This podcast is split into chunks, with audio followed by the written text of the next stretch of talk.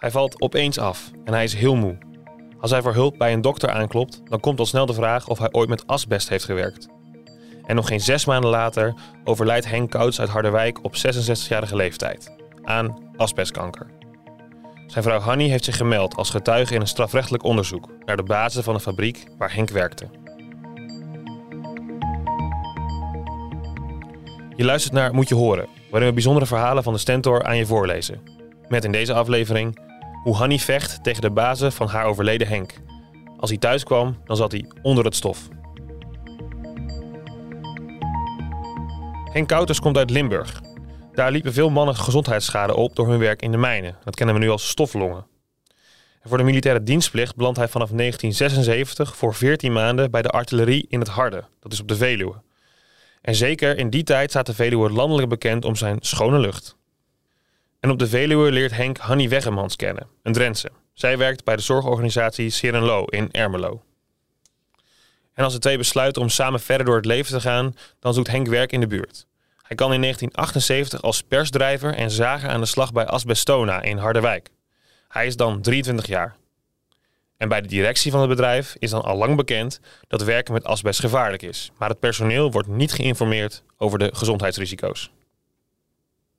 En zo krijgt Henk drie jaar lang ongemerkt dagelijks, direct en indirect veel gevaarlijke asbestvezels binnen. Zijn dagelijks werk bestond vooral uit het voeren van de machines. En dat wil zeggen dat hij blauwe asbest in een machine gooit, waarmee golfplaten worden gemaakt. En daarnaast maakt Henk wekelijks meerdere opslagsilo's schoon. Hij haalt de geperste platen van de lopende band en hij stapelt ze op. Bij al die werkzaamheden komt hij volop in contact met asbestvezels.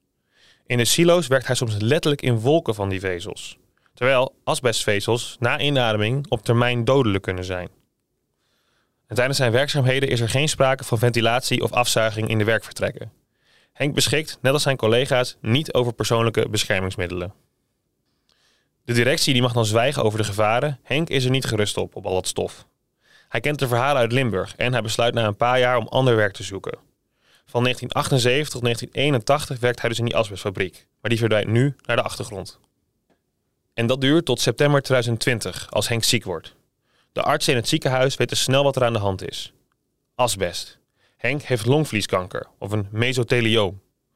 En even is er hoop, want de chemokuur lijkt aan te slaan en daardoor maakt Henk kans op een nieuwe behandeling in het Erasmus MC in Rotterdam.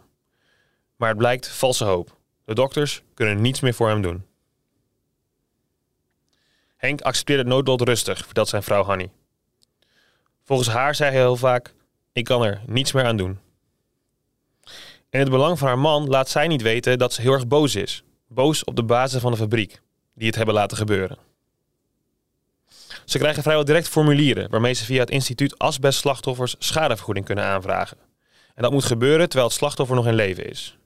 Eenvoudig is het niet, want hoe bewijs je eigenlijk dat Henk bij Asbestona heeft gewerkt? Nou, uiteindelijk vinden ze een oud werknemer die dat wil bevestigen.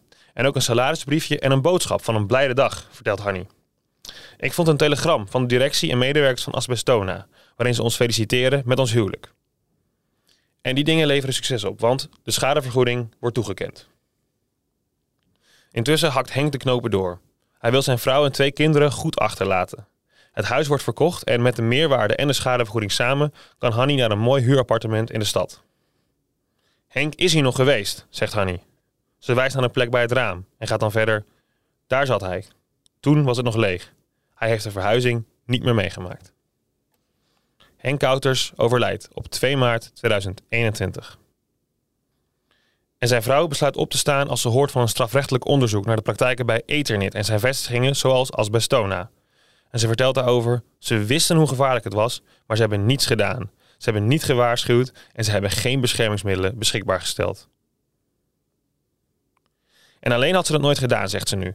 Maar nu 100 slachtoffers en nabestaanden zich hebben gemeld bij de politie, wil ook zij graag getuigen. En ze vertelt, als Henk thuis kwam, zat hij helemaal onder het stof. Ik klopte zijn werkkleding buiten uit. En of dat voor haar ook gevolgen heeft, daar wil ze eigenlijk niet over nadenken, vertelt ze. Die angst heb ik ook niet. Ik ben vooral blij dat Henk na een paar jaar heeft gedacht: dit is niet goed. Hij was er al weg voordat we kinderen kregen, dus die zijn er gelukkig nooit aan blootgesteld. Hanny Kouters is nu 67 en ze hoopt op gerechtigheid. En dat niet alleen met een schadevergoeding, maar ook in de rechtszaal wordt bevestigd dat Asbestona schuldig is aan de dood van de werknemers. En dat de eigenaren van het bedrijf daar niet mee wegkomen.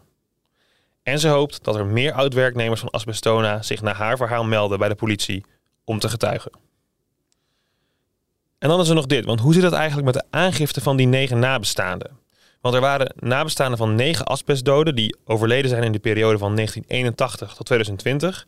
En het comité asbestslachtoffers die samen aangifte deden in november 2019 tegen de Belgische bouwmateriaalreus Eternit. Nou, hoe dat precies in elkaar zit, dat lees je bij ons op de site of in de app. Zoals de forse beschuldiging van doodslag op industriële schaal. En dat er meerdere zaken zijn geweest waarin al schadevergoedingen zijn uitgekeerd. En daar lees je ook meer over asbest zelf. Want hoewel de gevaren van asbest al veel langer bekend waren, sinds 1938, is het gebruik van asbest pas in 1993 verboden in ons land. Het kan wel 50 jaar duren voordat er iemand ziek wordt. En 50 jaar na 1993 betekent dus dat er tot 2043 mensen kunnen sterven aan asbestkanker.